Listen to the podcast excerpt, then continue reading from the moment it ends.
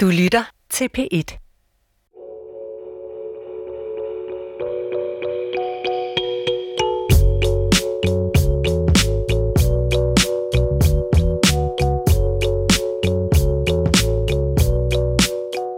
Mit navn er Jeanette Warberg. Jeg er arkeolog og forfatter og ansat som museumsinspektør på Nationalmuseet. Jeg arbejder både med, hvordan vi bedst kan formidle vores forhistorie til et bredt publikum gennem nærværende og overraskende historier om fortidens mennesker. Og samtidig er jeg forsker med speciale i bronzealderen og arbejder helt specifikt med verdens ældste glas, og hvordan det kan fortælle os om de store linjer i handel for 3.500 år siden. Lige nu arbejder jeg intenst med at gøre min fjerde bog færdig. Det er en bog, som handler om vikingerne og den verdenshistorie, de var med til at skrive. Flere af lytterne vil måske kende mig fra DR1-serie Historien om Danmark, hvor jeg var ekspert, eller mine Rosenkær-foredrag, som blev sendt her på kanalen i 2015. Jeg har altid set en sammenhæng mellem det at arbejde med fortællingen og fiktionen, og så det at arbejde med fortiden, fordi der altid vil være et element af usikkerhed i vores tolkninger af, hvordan det var at leve i fortiden. En gang imellem må vi låne fra fiktionen for at have et større fortolkningsrum at bevæge os ind i som forskere. Jeg står på grænsen mellem fakta og fiktion, når jeg skaber udstillinger og skriver mine bøger om fortiden. Men det er sjældent, at jeg krydser grænsen over i fiktionen, og hvis jeg gør, så er det altid et meget tøvende og forsigtigt skridt. Min gæst i dag står på den anden side af den grænse og ser ind i min verden af fakta, og låner fra min verden ind, ind i en vanvittig verden af fiktion. Og jeg må nogle gange erkende, at jeg er en anelse misundelig på alt det, han må i sit univers.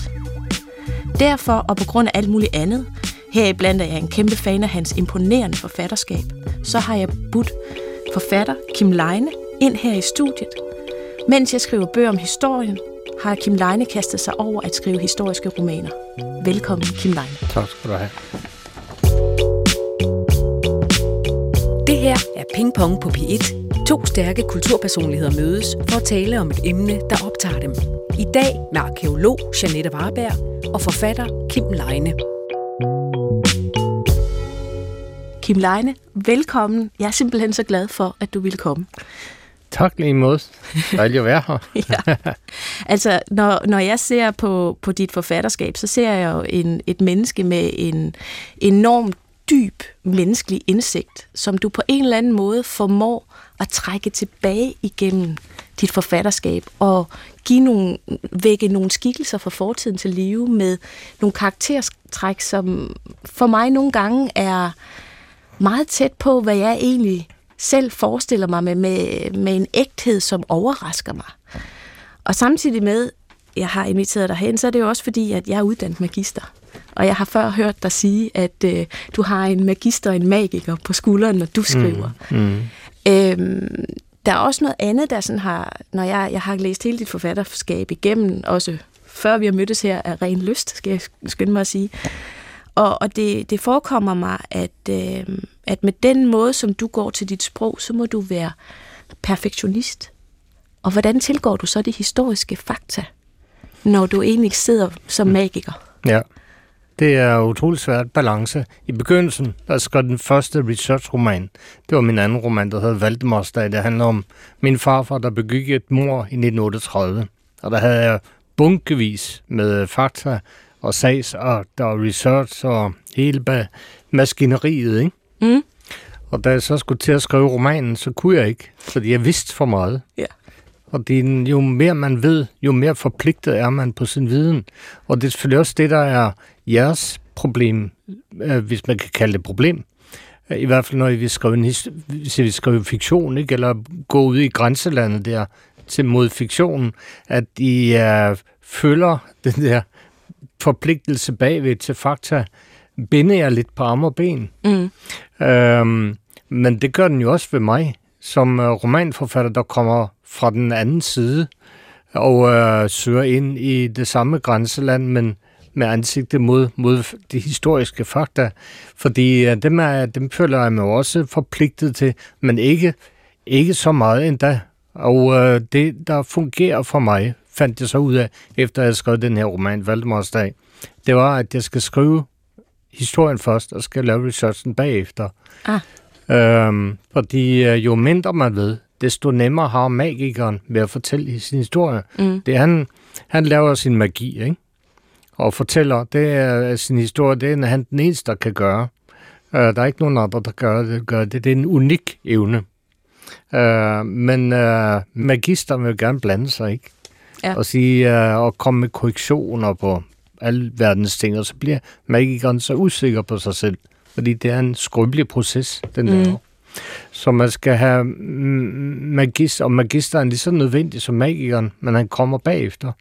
Så derfor fungerer det altså bedst at vide så lidt som muligt, inden man skriver historien, og så bare få den til at fungere øh, ud fra de krav, som historien i sig selv stiller. Ja, og, Og det er som så er- magikeren, der sætter de krav Ja. op, ikke? Og det er hinsides alle mulige historiske facts og sådan noget. Og på, der kan der sagtens optræde biler og, og rumfartøjer i, i år 1900, ikke? Altså, det er fuldstændig meget. Ja. Så kommer det bagefter det der, og så går vi det igennem, magisteren og mig, øh, og, og få det rettet til. Det er lidt sjovt, du siger det, fordi jeg har en nøjagtig omvendt tilgang. Eller Altså, jeg tænker, når jeg øhm, sidder, for eksempel i min seneste bog, der har jeg læst ufattelig meget. Jeg har brugt næsten et år på at læse. Men jeg tog ikke noter. Så lagde jeg viden Nej, væk. men det er en god ting, fordi så internaliserer du din viden. Ja, Du gør den, øh, din viden og din læsning til en del af din egen personlige erindring. ja. Og, men det kræver jo tid at gøre det. Og, det, og det, er for mig er det en ny metode at arbejde. Jeg har gjort det før, men den her gang, og det var en lang skriveproces, så valgte jeg simpelthen, fordi jeg blev øh, overvældet. Jeg blev nærmest bange for alt det stof, jeg skulle igennem. Det var 800 års verdenshistorie, som jeg ligesom skulle øh, sådan, hmm. tykke igennem og levere hmm. på en, en, en god måde at, at øh, arbejde på. Så jeg har ligesom... Øh, så, så besluttede jeg mig for at gøre det her, og jeg er meget, meget spændt på, når det kommer ud, fordi at, øh, det er en anderledes måde, og måske er der nogle steder, hvor jeg vil sige, at jeg har lavet nogle, nogle, nogle overspringshandlinger, eller forklaret på en anden måde, men, men jeg blev nødt til at forstå stoffet. Du lytter til Ping Pong på P1. Janette Warberg er kendt som en stærk formidler af den viden, der dukker op af mulden. Hun er født i 1978, vokset op i Odense og vidste tidligt, hun skulle være arkeolog. I 2006 fik hun papirerne på sin uddannelse. Janette Warberg blev internationalt kendt for fem år siden, da hun ved hjælp af nogle blå glasperler i Moskov Museums magasiner fastslog en handelsforbindelse mellem Norden og Mellemøsten for mere end 3.000 år siden. I 2018 skiftede hun fra Moskov Museum til et job som inspektør på Nationalmuseet, men hun beskæftiger sig fortsat med bronzealder og vikingetiden. Kim Leine, nu vil jeg gerne trække os lidt tilbage til barndommen. Mm-hmm. Og jeg vil starte med en lille øh, anekdote fra mit eget liv, fordi at øh, som barn var jeg lidt et øh, gammelklogt og mærkeligt barn, der opdagede bøgerne tidligt. Og for mig var det ligesom en flugt væk fra en hverdag, jeg dybest set synes var virkelig, virkelig kedelig. Så jeg har, der er sådan et, et øh, indre mentalt billede af mig som 10-årig, og en af de ting, der var, det var, at jeg elskede biblioteket. Det var sådan en lille filial, og den havde kun en deltidsbibliotekar åben, øh, der kunne åbne en gang imellem, så min mor og jeg vi havde en aftale om, at jeg kun måtte tage øh, bøger med, hvad der kunne være i den her rygsæk, og det jeg holder frem, det er en øh, babylyserød My Little Pony taske mm-hmm. fra 80'erne. Ja. Og den proppede jeg så hver uge med bøger, og når jeg havde læst dem, så kørte jeg op igen. Og tit så sad jeg, jeg havde ikke rigtig så meget fornemmelse for tid, fordi jeg kunne godt fortabe mig i verdener. Så jeg kunne godt sidde i flere timer uden på det der bibliotek med min fyldte taske, og så kunne jeg altid lige læse en bog igen, hvis det var, at øh, de var lidt lang tid om at komme. Mm. Men det her med at fortabe sig ind i bøgernes verden, er det noget, du genkender, og har du haft det helt fra barndommen, som jeg har, eller er det noget, der først kom senere? Ja, men det har jeg haft, øh, siden jeg var dreng. Og øh, jeg kom ellers fra et ikke-læsende hjem. Øh, det eneste, der var derhjemme, det var øh, selskabet Vagtårnets skrifter, Ja, og de er så ikke så inspirerende at læse. og nogle gange. Ja, på, på nogle mærkelige øh, niveauer kan det selvfølgelig være inspirerende.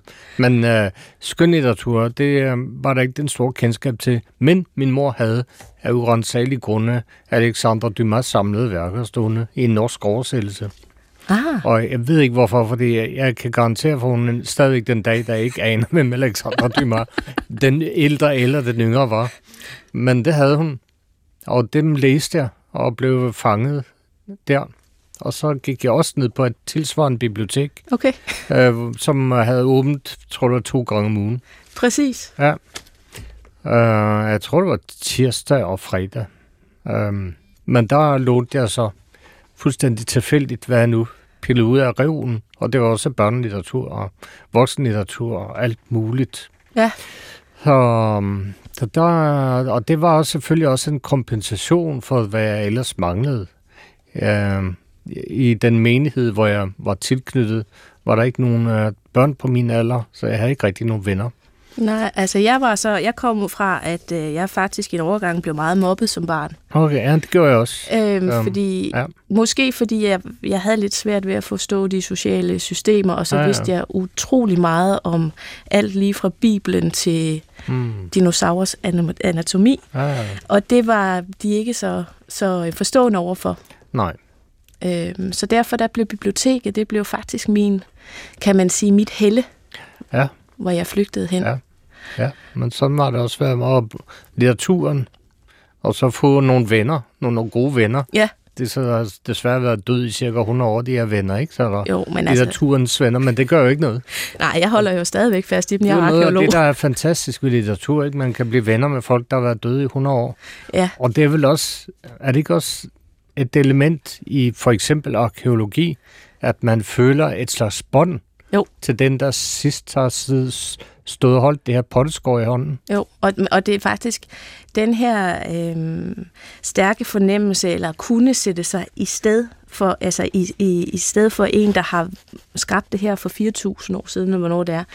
Det er faktisk et meget vigtigt redskab for at det hele taget kunne bevæge sig ind i den verden og lave nogle, nogle tolkningsstrukturer, som, ja. som egentlig er menneskelige. Så det ikke bare bliver regneark og Excel-ark, hvor man Men det er ligesom, altså, altså der er øhm, en del intuition i dit arbejde også. Ja, det er, der meget. Er det, er det velset blandt dine kolleger, øhm, eller bliver du stadig mobbet? Nej, jeg synes efterhånden, at øh, vi er mange, der har den tilgang. Okay. Øhm, og, og det, som jeg egentlig... Altså, jeg har jo... Som, som forsker har jeg jo styr på mine ting. Jeg har styr på mine data, jeg har styr på min naturvidenskab. Men du kan altid kun komme. Hvad skal man sige? Hvis der nu er en, en stige med 20 øh, trin, så kan jeg måske komme tre trin op med den videnskab, altså hardcore videnskab og videnskabelig deduktion. Mm. Hvis jeg gerne vil lidt højere op på stigen, så bliver jeg nødt til at bruge min, mit kendskab til mennesker og Ja. min intuition. Ja. Og det er jo der på de trin, vi mødes, kan man sige. Ja, det er det. Det er midt på trappen. Jeg kommer fra den anden led. Ja.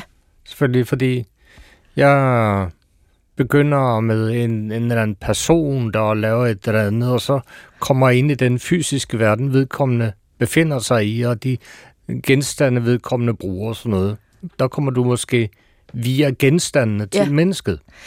Og øh, men øh, så mødes vi jo der, Ja. sammen med mennesket et sted, ikke? Jo, fordi jeg arbejder ud fra det her med, at, at når du sidder med en genstand, så øhm, har vi igennem en lang, lang tid, hvor vi har været skriftløse, så har vi skabt refleksioner af vores tanker, gennem manifesteret det i tingene. Mm. Så nogle særlige genstande eller ting, kan du egentlig ved hjælp af din viden om menneskets sind gå tilbage og sige noget om, hvad mente de, da de lavede lige præcis den her ting. Mm. Mm. Jeg forstår. Ja. Men altså, jeg har jo også haft det sådan øh, som, som barn med, øh, med bøgerne. Det var jo mest, altså for mit vedkommende, der var min sti jo lagt ud fra starten, fordi jeg læste alt om arkeologi og historie. Ja, vel. Og alt folklore. Hvorfor? folklore. Øhm, jeg synes simpelthen, det var så spændende. Det trak i mig på en måde sådan, at øh, de store klassiske værker kom jeg da også forbi en gang imellem, men lige snart der var noget med noget historie, Mm. gamle dage, mm. så endte jeg der. Mm. Og, og soundstoffet læste jeg på versefødder. Ja. Øhm, og var sådan en lille ekstra hjælper på biblioteket, sådan, når Ja, der kom nogen og spurgte ind til savn Ja, den slags. Ja. Så man kan sige, at øh, hvor, hvor din læsning måske har været meget spre, altså været nærmest kannibalistisk. hvis jeg må bruge Ja, det, det kan du udtryk, godt sige. Ja. øh, så har mit altid spurgt sig ind på, at jeg var ikke i tvivl om, hvad jeg skulle være. Nej, nej, At det skulle være arkeologi og historie. nej.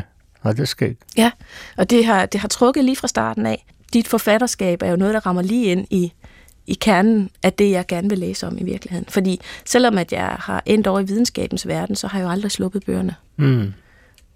Men er det ikke svært for en fagperson at læse skønlitteratur, fordi man ser alle fejlene?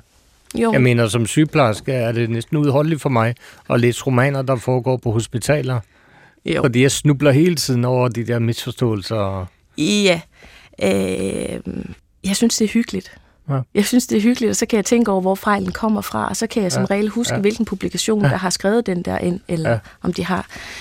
Øh, jeg er jo også øh, stor øh, fan af, af fantasy-forfattere og Ja. Game of Thrones, og har læst alt, Ja, ja. og ser alle Vikings og sådan nogle ting. Ja. Så, så jeg, i stedet for, at jeg ikke går ind og, og, og bliver irriteret over det, så søger jeg det nærmest, Mm. fordi jeg synes, det er lidt hyggeligt. Ja, der er en generositet i det, synes jeg, som måske mangler hos mange af dine kolleger. I hvert fald hos historikere, indtryk jeg. Ja. Fordi de føler, at de skal være solidariske med deres viden, og de må ikke vige og, øh, og ligesom åbne op for det der fiktion, der kommer væltende. Og det provokerer dem lidt, faktisk. Jamen, jeg tror også, det er, fordi de er så beskyttende omkring det. Altså, historie, det er et fortolkningsfag, uanset hvor man... Altså, det, Ja. det, det må historikerne også selv ind, øh, indse. Ja. Og når der er rum for fortolkning, så er der også rum for uenighed. Så derfor du- bliver du oplært fra tidlig ungdom i at stå meget stærkt på dine teorier. Ja, ja. Og være en lille smule fjendtlig. Du, du møder ikke den samme uvenskab, hvis du går over til naturvidenskab, hvor det ligesom er fakta.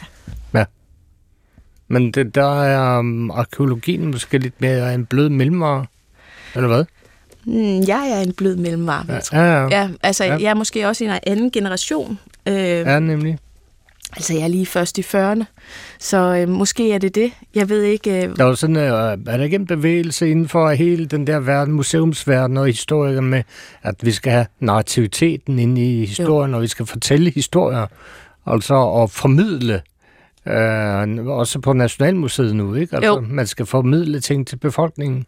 Det har Ja. vel været et år før i tiden, eller? nej, men det har ikke været et fokuspunkt. Nej. Og jeg tror, det vi gør det så udtalt nu, det er også, at vi er i konkurrence for alle de der fantastiske fortællinger, der er derude. Og vores har trods alt rod i videnskab, Mm. hvor det andet har i fantasien. Og det er ligesom det, som museumsrummet kan. Det åbner op og giver mulighed for, at du kan komme ind og se den ting, som der er nogen, der har skabt for 3.000 år siden. Så du kan mm. have den der umiddelbare kontakt til dem. Ja. Men for at vække den der interesse til live, så bliver du nødt til at fortælle nogle mm, fortællinger, som Ja. ja. folk vil høre. Den dansk-norske forfatter Kim Leine er født i 1961 og opvokset i en Jehovas vidnerfamilie i Norge. Han kom til Danmark som ung mand, uddannede sig til sygeplejerske og tog arbejde i Grønland. Undervejs kom han ind i et narkomisbrug, som er beskrevet i den selvbiografiske debutroman Kalak. Hans internationale gennembrud kom med Profeterne i evighedsfjorden, den første roman i hans store Grønlands trilogi. Kim Leine har modtaget et hav af priser, heriblandt Kronprinsparets kulturpris, De Gyldne Laurbær og Nordisk Råds litteraturpris.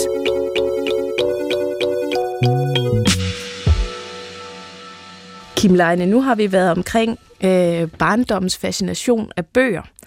Og øh, som, som jeg fik sagt, der endte jeg over i arkeologien. Men du valgte en anden vej. Kan du fortælle lidt om den vej, du kom til øh, din profession som sygeplejerske? Ja, det var en zigzag-vej, kan man sige. Øh, jeg, vil, jeg vidste meget tidligt, at jeg gerne ville være forfatter, men det skammede jeg mig over, så det fortalte jeg ikke nogen. og så lavede jeg andre ting, og jeg tænkte, øh, hvis man vil være forfatter, skal man jo opleve noget. Og for at opleve noget, skal man rejse noget. Og hvilken uddannelse kan jeg vælge for at komme ud og rejse? Sygeplejerske. Perfekt. Yes. Og så blev jeg sygeplejerske. Det var derfor, jeg blev sygeplejerske. Okay. Og det var der rigtig mange, der gjorde i 70'erne og 80'erne. De ville ud med en af de der organisationer, Danida eller Milfolks mm. Samvirke. Ja, hvornår er du egentlig? Jeg er født i 78. Hvornår er du født? Jeg er fra 61. 61, så der er alligevel 17 år imellem, at jeg Ja. endte ud. Okay. Jo, sygeplejen, det var et transportmiddel. Det var sådan, det fungerede. Og øh, med for jeg ville jo helst ned til foden af en gongfjelden, ikke? hvor Kram Bliksen havde sin farm. Ja. Men så blev det så Grønland, og det er jo udmærket, fordi Grønland er jo Danmarks Afrika. Ja. Så det, det fungerede fint for mig. Jeg ville uh, ud og brænde ud der, og så vende hjem som storyteller, ligesom Karen Bliksen. Og... Men alligevel sygeplejerske, det er jo ikke nogen nem uddannelse, og der er altså også nogle udfordringer, du må have haft nogle overvejelser omkring, fordi der er jo alligevel, øh, man er meget tæt på menneskekroppen, tænker jeg. Mm. Og den levende menneskekrop. Ja, men øh, det er, øh, altså på nogle områder var jeg dygtig som sygeplejerske. På andre områder var jeg virkelig dårlig. okay. Men jeg fandt ud af, at jeg var god til at snakke med folk. Ja. Og havde en umiddelbar kontakt med også gamle mennesker. Jeg elsker at snakke med gamle mennesker, det har jeg altid gjort. Mm. Og, øh, og jeg har ikke noget mod, at de brækkede og pissede og skid og alt muligt. Det har jeg det fint med, og jeg vidste, hvad jeg skulle gøre ved det. Og det er det, en sygeplejerske skal vide, gøre. Uh, hun, han skal vide, hvad de skal gøre ved lortet, ikke? Jo. Altså, hvis man ikke gør det, så står man snart i til halsen, så mister man overblikket. Men hvis man kan det, så er det sådan en tilfredsstillelse. Ja. Det der, fordi... Uh, men hvor kommer det fra? Er det noget, som du har med dig fra Norge, eller er det jeg bare ved, noget, der Jeg ved det ikke. Jeg, og jeg ved noget af det. Jeg har også lært at, at uh, undertrykke mine egne behov. Det lærer man i sådan en lille religiøs sekt. Ja. Blandt, man lærer det også mange andre steder. Men uh, det lærte jeg lidt der, og uh, på en måde kan det være en god ting. Det er bare smart lige at vide, hvor afbryder kontakten er, så man kan tænde og slukke for den. det er ikke så godt, hvis den er der hele tiden, så glemmer man fuldstændig sig selv, ikke? Jo. Men det var, det var nok lidt af det. At øh, jeg kunne øh, abstrahere fra mit eget ubehag og min egen behov og sådan noget. Og øh, det er egentlig meget godt, når man er sygeplejerske. Jeg har ikke tænkt på ja. sig selv hele tiden. Jamen, det ligger jo i professionen, kan man sige. Ja. Det er jo en, ja, man kan godt kalde det en opoffrende øh, profession. Øh, det er det jo på en måde. Det er ja. gamle tjenere. Øh, men, men samtidig med, så er det også noget, der kræver et overblik og noget professionalisme. Absolut. Øh, det er en balance. Og der også... er en balance igen. Ikke så meget mellem magister og magikere, men, men mellem tjener og herre, kan du sige. Ja. Fordi der skal være en autoritet i det, og man skal også være ydmyg over for sin patient, over for sit fag. Ja, ja. det kan jeg godt følge dig i. Altså, jeg, jeg kan jo kende lidt til det der med, jeg siger, at, at du håndterer levende mennesker. Jeg håndterer jo de døde. Mm-hmm. Øhm, og som arkeolog, der, øhm, der vil jeg sige, der har jeg også på en eller anden måde øhm, en, en, en, en umiddelbar tilgang til menneskekroppen. Mm. Altså jeg er jo vant til at, at, at tage resterne af den. Mm. Men, men jeg kan jo godt grine lidt af, at der er nogen, der bliver bange for et skelet, for eksempel. Mm. Dem har vi jo set mm. i hundredvis af. Mm. Men altså min, øh, min vej til at skrive bøger var lidt det samme. Altså jeg havde den her idé om, at øh, jeg ville gerne skrive også. Men, men det her historie har altid trukket så meget i mig, og jeg tænkte, øh, med arkeologien, så var der noget action. Øh, og man kunne komme ud i verden mm. og opdage ukendte øh, civilisationer og, ja. og møde mærkelige øh, folkeslag. Har du været påvirket af Indiana Jones-filmene? I høj grad. Okay. jeg så min første som femårig bag en sofa. Okay. Jeg måtte ikke se den, men jeg var krøbet ind og så den alligevel. Fordi mine børn skal til at se den nu snart nemlig. Ja. Så det kan du godt anbefale dem. ja. Det er, øhm, det er det var i hvert fald det, som tændte den der barnlige begejstring, samtidig med, at jeg sad og læste alle de her bøger. Ja. Men jeg havde altid sagt sådan lidt med glimt i øjet, at, øh, at arkeologi er sådan en svær branche, for der er ikke særlig mange stillinger. At jeg kunne altid blive gravid og skrive børnebøger ja. på den anden side af arkeologien. Ja. Og det, det holdt jeg altså ved. Så jeg, jeg har både skrevet børnebøger, øh, men øh, jeg skrev min første bog faktisk under barsel. Ja. For jeg havde den der idé om, at øh, når barnet kom ud, så skulle man jo lave et eller andet. Mm. Jeg fandt så bare ud af, at børn ikke sover. Så det var en lidt hård proces. så det tog et par børn, før den første så den store mm. bog kom ud. Det er ret interessant det her med, at du siger, at Grønland blev dit Afrika. Mm. Øh, fordi at øh, jeg har også besøgt Grønland ganske kort. Og selvom jeg har rejst i hele verden, så er der en kraft, der griber en fuldstændig. Mm. Og er det den samme kraft, som du egentlig prøver at trække ind i dine bøger? Det, jeg bruger Grønland til i mine bøger, Ja. det er flere ting. Man skaber distance, fordi det er langt væk, og det ser anderledes ud. Og ekstra distance er, at det foregår for 200-300 år siden. Mm. Så den der fremmedgørelseseffekt, det giver forfremdungseffekt. Det gør, at man kan finde solidariteten i dette menneske, der lever helt tilbage i den tid, under så meget anderledes Mm. øh, forhold. Og det kender du fra arkeologien. Et menneske, man finder, der er levet for 3-4.000 år siden, som vi har noget til fælles med. Mm. Øh, og finde den solidaritet der. Ja. Det er, synes jeg, er en fantastisk oplevelse, fordi menneskekroppen er underlagt de samme øh, svagheder og altså noget dengang som nu, ikke? Jo, men hvordan kan det være, at det så lige blev 1700-tallet, du dumpede ned i? Ja, det var, fordi jeg tænkte, jeg ville bruge kolonitiden, fordi det er et godt billede på kultursammenstødet, Okay, the cultural clash. ja. Øh, det kunne også være vikingetiden, hvor, hvor nordboerne kom sydfra, og inuiterne kom øh, nordfra, og de mødte hinanden på en eller anden måde. Det kunne det sagtens have været. Men jeg synes det der med, at man tager noget hjemmefra, som man er glad for, kristendommen. Ja. Det som man tager sundhedsvæsen og politivæsen og socialvæsen og alt muligt andet, ikke? Jo. Men man tager det, og så løfter man det op, og så øh, sænker man det ned over et sted, der er totalt anderledes, og regner med, at det bare fungerer og kører videre, som det gør derhjemme. og de øh, misforståelser og skuffede forventninger og alt det der, der følger i kølvandet på, på den proces, synes jeg er utrolig spændende. Ja. Så det er sådan set rent, rent praktisk, at øh, øh, kolonitiden fungerer godt som fortælling. Og det er slet ikke, fordi jeg vil tage et opgør med kolonitiden overhovedet ikke. Det interesserer mig ikke. Det må folk gøre, der læser mine bøger, eventuelt hvis de har lyst til det, ikke? Jo. Øh, jeg er bare interesseret i mødet, eller kollisionen, mm. Og forelskelsen, og alle børnene, der kommer ud af det, og, og hadet eventuelt også, ikke? Jo. Det, det er så- altså det er med sådan en langsom trafikuheld, som øh, hvor begge, begge parter bliver totalt deformeret og kommer ud på den anden side og er nogle helt andre. Ja. Den deformeringsproces synes jeg er utrolig fascinerende, fordi det er jo også en del af min egen historie, da jeg kom til Grønland. Jeg ville være som dem. Jeg ville være inuit eller grønlænder, ikke? Jo. Altså, kaldte det, som så også sidst. Og øh, det tror jeg betød en ægte grønlænder. I virkeligheden betød det din store idiot. Men jeg blev der en anden i hvert fald. Ja. Og øh, det var der måske også nogle af dem, der gjorde ved at møde mig. Så fikspunktet i, i din historie i nutiden og i fortiden er i virkeligheden Nuuk. Det, hvad siger du? Er fikspunktet mellem din, din historie, der foregår i fortiden, og så din egen historie i nutiden, det er vel i virkeligheden Nuuk, hvis man skal, Ja, skal nu. øh, pinpoint, Ja, ja. det er det i høj grad. Fordi vikingerne ville jo aldrig slå sig ned derude. Det var det dummeste sted at bo. Ja, ja, de skulle ind i øh, fjorden, hvor der var varmt, ikke? Ja. Og, det, øh, og der var jo ikke de store sammenstød mellem inuitter og nordboere.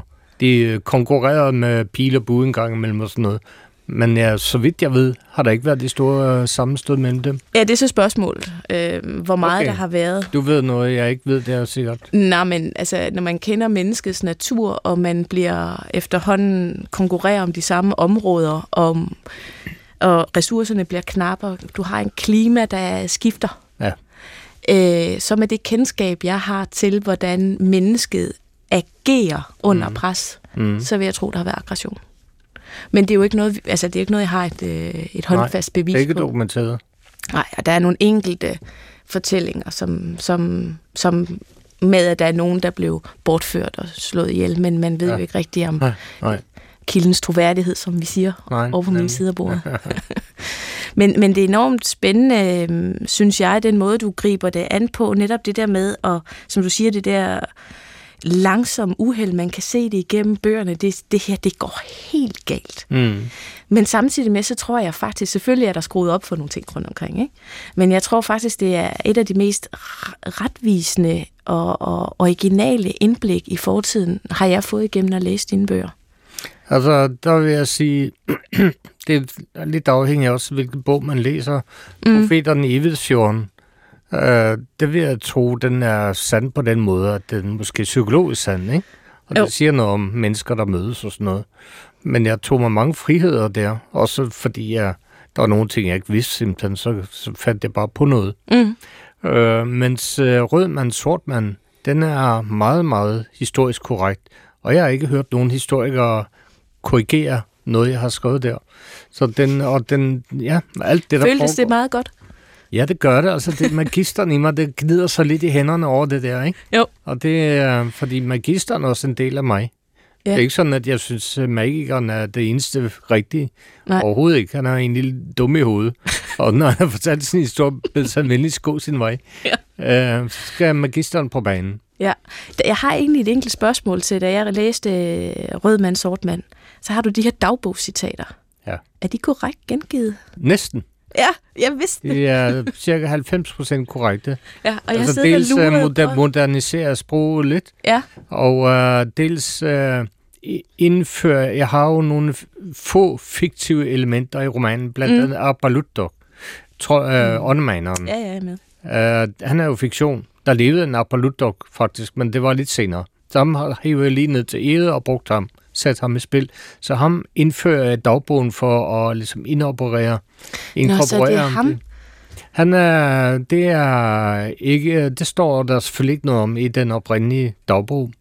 Og øh, der er enkelte andre sådan øh, his, små historier, som jeg finder på, som jeg lige nævner i dagbogen. Men alle dagbogsnotaterne ellers er taget direkte fra hans eget dagbog, og så er justeret en lille smule på et par sætninger, men det er meget lidt. Det er, jeg tror, det er under 10 procent, jeg har lavet om. Fantastisk. Nå, men jeg havde nemlig en lille nane mistanke om, du havde været inde og pille i det, men det så næsten rigtigt ud. ja.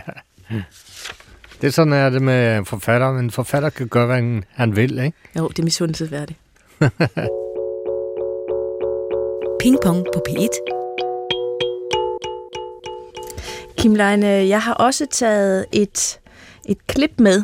Øh, jeg blev bedt om at spille noget musik eller vise et klip, og egentlig så er det nok et meget atypisk klip, man ville sætte til en, en arkeolog, fordi jeg har faktisk øh, utrolig dårlig smag i film, og især også noget, der involverer gamle dage.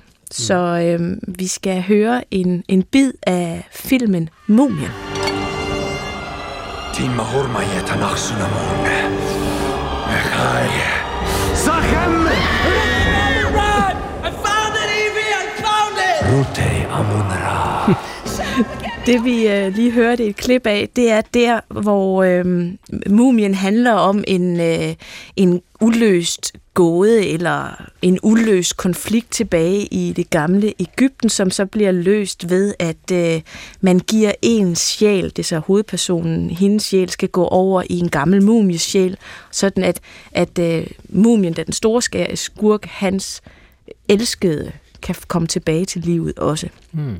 Og for mig som arkeolog, så er det jo øh, vældig underholdende at se, hvordan at fortiden og skrækken for, for mumien stadigvæk øh, kan, kan få Hollywood til at sælge billetter. Ja. Og, og det, jeg tænker lidt, at øh, den her grumhed og død og, og fordav og så videre, den genkender jeg faktisk i nogle af, af dine bøger også. Øh, og det her med, at, øh, at man øh, ikke har nogen forbehold over for at beskrive alt det grimme i verden, og især omkring mennesket. Altså, jeg synes jo, det er sjovt, at de bliver skriger over at se en mumie her, fordi jeg håndterer dem en gang imellem. Og døde mennesker siger mig ikke så meget andet, end jeg er nysgerrig på dem. Mm. Og jeg har da også stået og taget DNA-prøver af, af noget hjernerest, og tænkt, at det kunne da være sjovt, hvis der kom noget ud af det, men jeg tænker ikke så meget over, at jeg har åbnet et kranie med lidt hår på, og tager mm. noget ud af det. Mm. Og jeg tænker, at man har måske også lidt humor omkring det. Og der, der kunne jeg forestille mig, at sygeplejerskehumor og arkeologhumor måske er lidt det samme. Ja, altså så humor på obduktionsstuer, ikke? den er jo virkelig øh, i verdensklasse. der er øh, få steder, hvor der bliver fortalt så mange vittigheder. Men det er måske også, fordi vi altid beskytter os mod det, vi er bange for med at joke. Det kan du faktisk godt have ret i. Men, men jeg synes nu ikke, jeg er så, øh, så bange for det. Har du set filmen? Nej, jeg har ikke set det. Jeg tror, de er kommet efter, at jeg blev 40 år gammel. Desværre, jeg er faldt for aldersgrænsen. er det rigtigt? Nå. Og mine børn var også blevet for store på det tidspunkt. Ja, nej, jeg har desværre ikke set Så den er faldet ned i et hul. Jamen, den er, den er vældig god. Når vi kommer hen til træerne, så begynder det at blive Ja, sådan ja. lidt. Men, men etteren er god. Ja, jeg kan ellers godt lide gyser. Men øhm, Det- den der har, den er gået forbi min næse. Ja, men det fornemmer man lidt. Altså der, hvor jeg egentlig gerne vil hen også, det er den børnebog, du har skrevet, der hedder Skovpin Skav. Fordi den synes jeg er enormt grum Mm. øhm, og, og barsk fortælling for børn. Og når jeg, når jeg læser den, så får jeg ligesom, så tænker jeg lidt på Astrid Lindgren og Brødrene Løvehjerte, men jeg tænker mm. også på Bodil Bredstorff, Børnene i Kravvig, hvis du nogensinde har... Og den, den kender jeg slet ikke. Det er en børnebog fra 90'erne, som jeg egentlig er meget glad for, der også handler om det her med øh, at, som barn at overleve. Ja. Hvor man møder en pige, der går i strandkanten. Ja. Man ved ikke rigtigt, om det er Island eller Færøerne, eller hvor det er. Mm. Og samler strandsnegle, som hun koger til sin gamle bedstemor. er faktisk lidt inspireret af Cecil Bøtgers øh, Hungerbrænde. Ja, Og Det- den er også meget barsk og grum. ja Den er den, næsten ikke for børn, vil jeg sige. den, den, har, jeg- den har jeg også øh, læst. Øh, og jeg synes, at du rammer det rigtig godt. Altså, jeg har jo så min ældste datter, Frida, hun er nu ni år. Og, og hun får jo lov til at læse dem her sammen med mig. Og, og det er sjovt, fordi vi læ- jeg læser rigtig meget højt for hende, fordi så, er det min, så får jeg også lov til at læse lidt børnelitteratur en gang imellem. Ja. Og, øhm, og vi har læst alt muligt som vildheks og noget andet, men vi har også læst Skovpinskav. Og det er faktisk den Frida, hun tit vender tilbage til. Nå. Fordi at der er nogle ting, det her med, der, der er den her pige, der skal overleve alene i skoven, og mm. måske er hun i virkeligheden en kraftsyg pige, der ligger øh, og kæmper med en sygdom i, mm. på Rigshospitalet. Mm. Og den her dobbelthed, den øh, vender hun tilbage til. Øh, Når du har skrevet det til børn, er det så bevidst, at du giver dem alt det her hårde grumhed, og også på en eller anden måde, øh, vil du gerne sætte nogle tanker i gang hos børn? Ja. Jeg ser den som en højtlæsningsbog, som du så også har brugt den til. Ja. Altså, det er en bog, der skal være en kommunikation mellem øh, den voksne og et barn.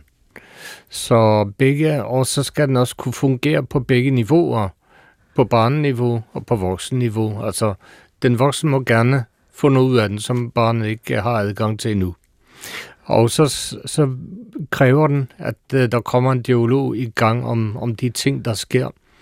Og man mener godt, man kan læse Skorpions skærv som ren underholdning. Jeg ved ikke, øh, måske ikke. Jeg ved det ikke. Det, Men i hvert det er fald- lidt svært ved at Man se. kan i hvert fald gå ret dybt ned i den og Ja. snakke om, om uh, vi skal alle sammen dø og miste sine forældre. Uha, det bliver værre. Og også få kræft og ind på hosp- Rigshospitalet. Ikke? Så man øh, kan ligesom vælge, hvor dybt man vil gå ned i den her dialog med barnet. Ja, og, men du skaber jo også et meget, meget stærkt billede i Skovpinskav. Ja, Altså, hun er jo virkelig en stærk pige. ja. Og det er jo også en af, af mine øh, lumske bagtanker, når jeg vælger litteratur for min pige. Det er jo, at øh, hun skal have nogle stærke billeder at spejle sig i. Mm. Men det er rigtigt, at, øh, at jeg har også brugt den meget som en samtalebog. Og, og der, der må jeg sige, der har den virket, fordi vi, øh, vi vender tilbage til den mere, end vi gør til Disney-fortællingerne. Jeg tror også, det er fordi, jeg har som ideal at lade et område af de bøger, jeg skriver, også for børn, være uden for, hvad der er muligt at forstå simpelthen. Ja. Der er en løsning på det, men det skal være uforståeligt. Og det kan man mærke. Altså, der er noget der hinsides min fatteevne. Og det virker pigerne på en læser, også en barnlæser, at der er et område af en fortælling, som man simpelthen ikke kan trænge igennem til. Og derfor bliver den ved med at rumstere.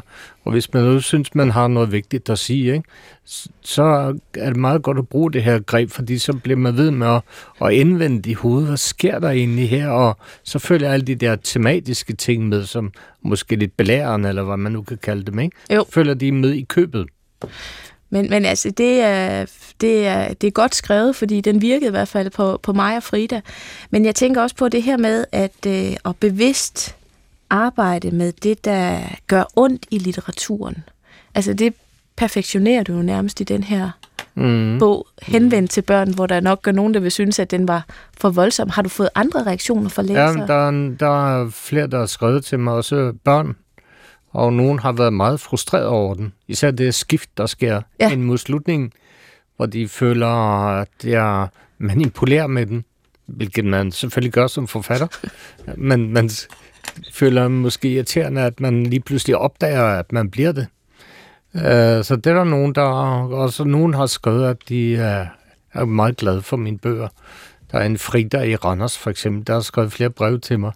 så Frida, hvis du kan høre det her, så, så sidder jeg lige her, og jeg er glad for din brev. Så det betyder utrolig meget. Øh, at få nærmest mere, end hvis jeg får indvendt fra voksne. Det kan jeg godt følge, ja. ja. Så, fordi der er noget...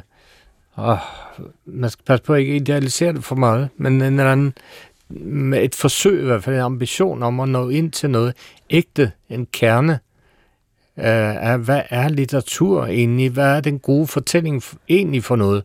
Alle kaster om sig til højre og venstre ja. med ordet den gode fortælling, men ingen ved, hvad det betyder. Og øh, den prøver man at komme ind til, og noget ægthed og en oprigtighed. Også den, den store passion, altså følelserne, og vælte dem ud, øh, men stadig kontrollere dem. Altså alt det der, kan, det er særligt krævende i børnelitteratur. Så det øh, synes jeg er meget fascinerende, når der så lige pludselig kommer et brev fra Frida i Randers, som godt kan lide, hvad jeg skriver.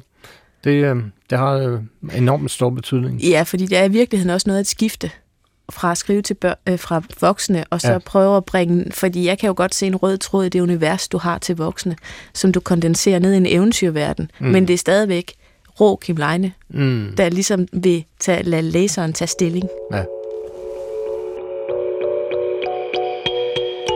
Det handler om mødet mellem den historiske virkelighed og den historiske fortælling i dagens pingpong. Arkeolog og forfatter Janette Warberg har inviteret forfatter Kim Leine.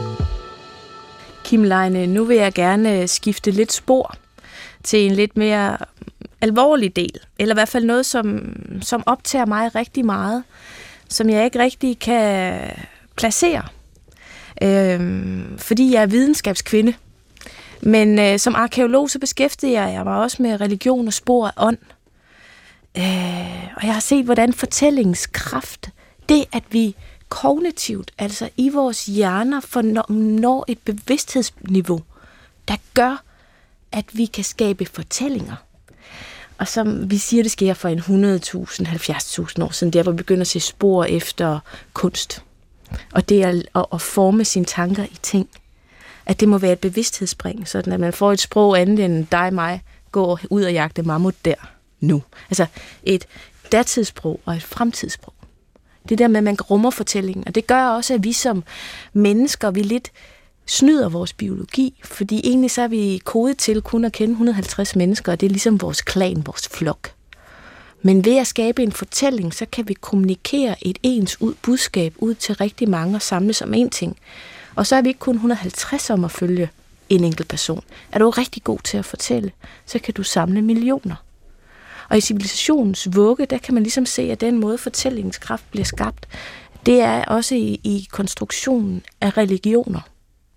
Det her med, at man, man fylder den her...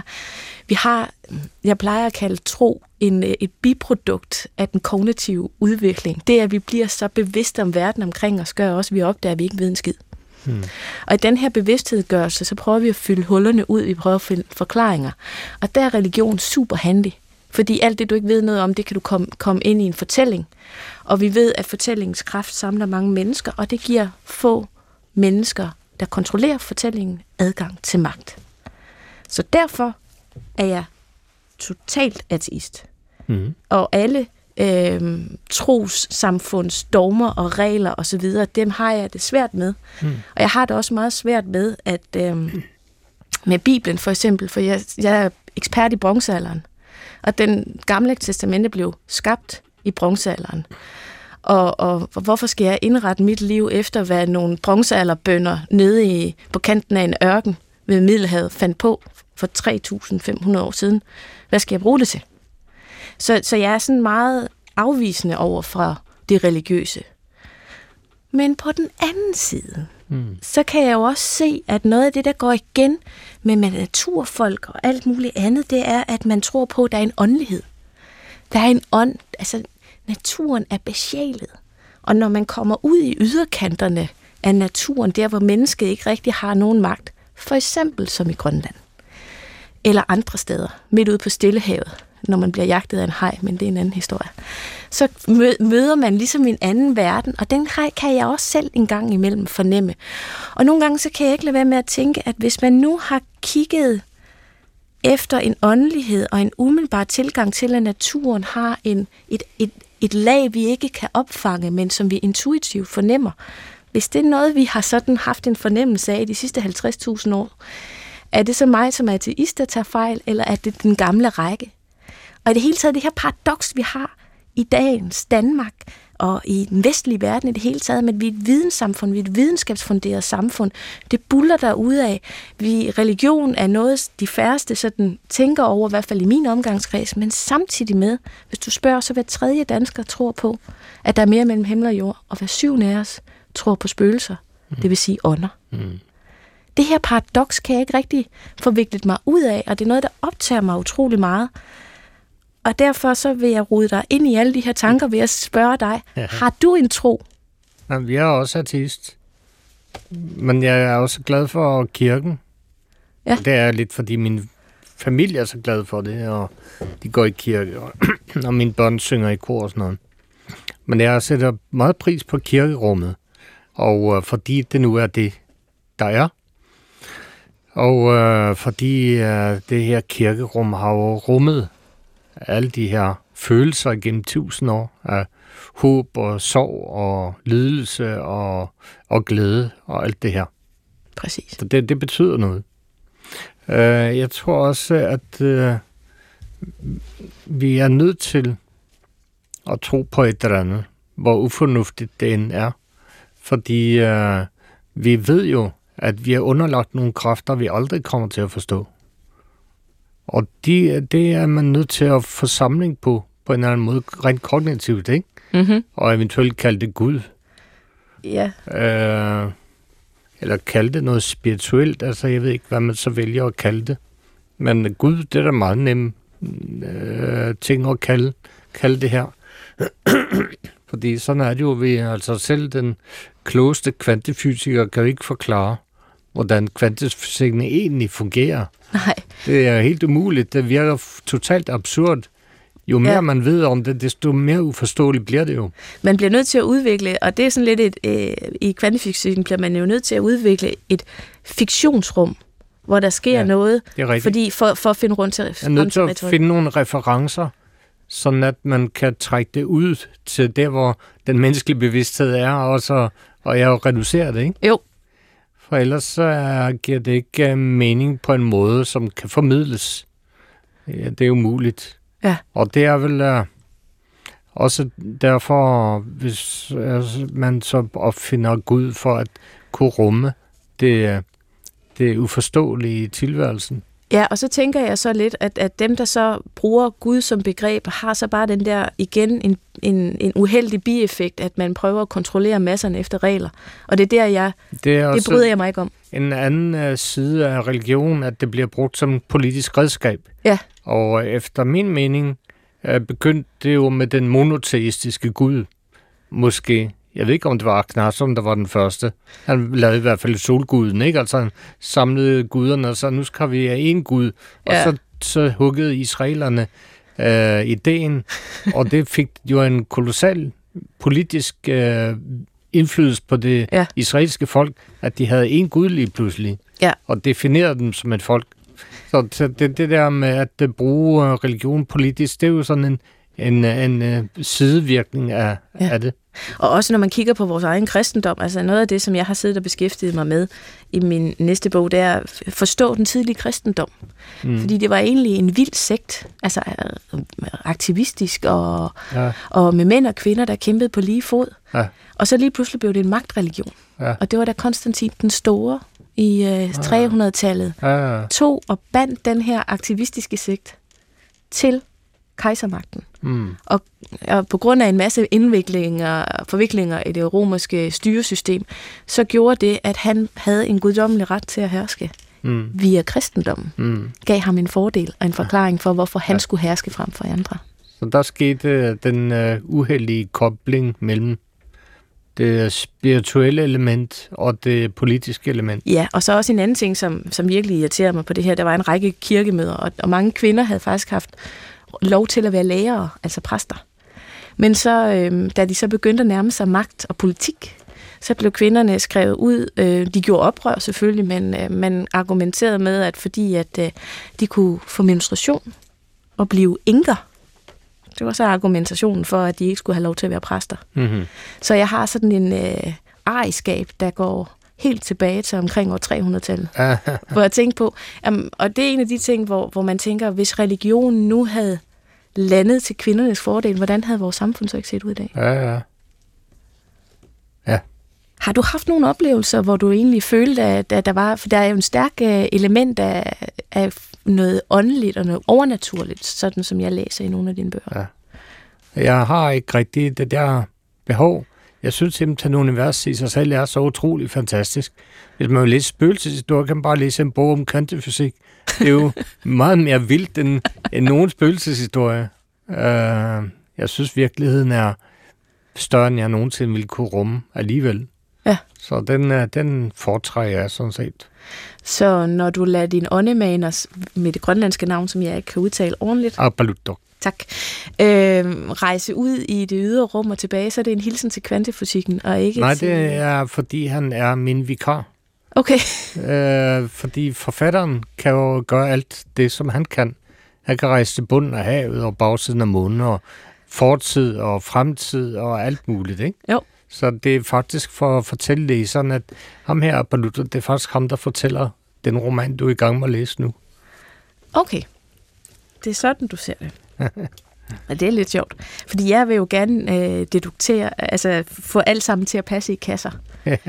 øhm, og det er også derfor, at øh, det her åndelighed og troen en gang imellem smutter fra mig. Mm. Fordi der er ikke alting, jeg kan putte i kasser. Og jeg synes også, at øh, når, når jeg kigger på, på den tidlige religion, så kan man jo også, det er en måde at, at nærme sig mennesker, når man har nogle ting, som der er blevet offret og lagt i. Altså, jeg, jeg kan ikke lade være med at tænke på, noget af det, der rammer mig allermest, det er ikke tolvundmanden eller kravballemanden, der får skåret halsen over eller sådan noget. Men det er fra en jysk mose, hvor, man har, hvor seks piger har skåret deres flætninger af og lagt i mosen. Ja. Øh, og, og jeg kan forestille mig alt muligt, hvad, hvad, de har, hvad der har øhm, sket med, med dem, og hvorfor at de mistede deres flætninger. Mm. Vi har ikke fundet nok til, at det kan være sådan en overgangsritual fra kvinde, eller fra, fra barn til voksen, at de blev kvinder. Der må ligge noget andet i det. Ja. Øhm, og når du, øh, når du skriver, er der så også nogle... Altså, du siger først, at du har øh, historien op i hovedet, og så bagefter kommer fakta på. Men kan der alligevel godt være et eller andet, en eller anden ting, altså, som gør, at du lige præcis går i gang med den her fortælling? Er der noget, der kan skubbe din fantasi så meget, at, øh, at den ruller? Nu, flere af mine bøger har taget udgangspunkt i noget historisk. Mm. Og øh, afgrunden, det var bestillingsarbejde. Det skulle være en historie om øh, en, der hed Peter det her med Guden, og hans deltagelse i den finske borgerkrig. Okay. Så der havde jeg simpelthen den setting der. Så der tog jeg skridtet fra, fra den historiske virkelighed til personen, og, øh, og derfra over i fiktion, hvor jeg ændrede hans navn. Mm.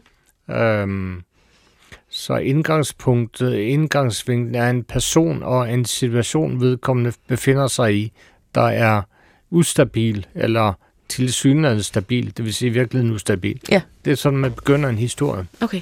Det så, jeg- så det er mennesker, ikke deres flætninger, der sætter dig i gang? Det kan også være flætningerne. øh, det kan det sagtens være.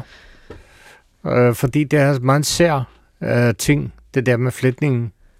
Så den øh, sætter meget fantasi i gang. Ja. Som det også gør ved dig. Ja. Så det vil være en typisk øh, ting, der kunne sætte en historie i gang. Der vil det være netop den fysiske detalje, der startede det hele. Det kan jeg sagtens forestille mig. Ja. Sådan har det ikke været indtil nu. Øh, det har været øh, i første roman mig selv altså, og misbrug det der, og så i den anden har det været et mor, min farfars mor på en, sin øh, kones elsker. Øhm, og så historiske ting. Men øhm, det er en øh, ting, der sætter meget fantasi i gang, og som med at seks piger skærer deres flætning af. Ja. Jeg ved ikke, om du har set den øh, film, der hedder The Virgin Suicides. Nej, det har jeg faktisk ikke. Sofia Coppola. Det handler om en flok piger, der alle sammen begår selvmord. Selvfølgelig noget andet, men det er sådan altså noget kultisk ved det. Ja. Og meget mystisk, som øh, virker i gangsættende på fantasien. Ja, der, der, kan man, der kan vi så høre, at du har bedre filmsmag end jeg.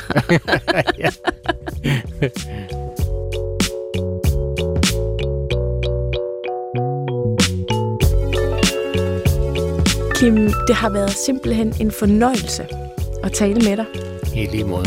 Og minutterne er jo fløjet afsted. Ja, det må man sige. Ja. Jeg kan ikke lade være med at være lidt nysgerrig på, hvad, hvor dit forfatterskab er på vej hen. Vi har været omkring flætninger og børnebøger og Grønland. Så jeg tænker, er du, til, er du færdig med Grønland? Nej, det, bliver, det tror jeg aldrig bliver. Og jeg skal også skrive den her trilogi, der mangler et bind, ikke? Den kommer. Ja. Uh, og den skal være nogenlunde inden for den samme stil som de to foregående. Mm. Man foregår i 1800-tallet. Okay. Og nu skal jeg på en bog, der hedder Dansk Standard, og det er noget helt andet Okay. end noget, jeg har skrevet før. Så det synes jeg er meget spændende. Jeg vil sige tak for i dag, Selv tak. og jeg håber ikke, det sidste gang, vi taler sammen. Det var en fornøjelse. Lige måde.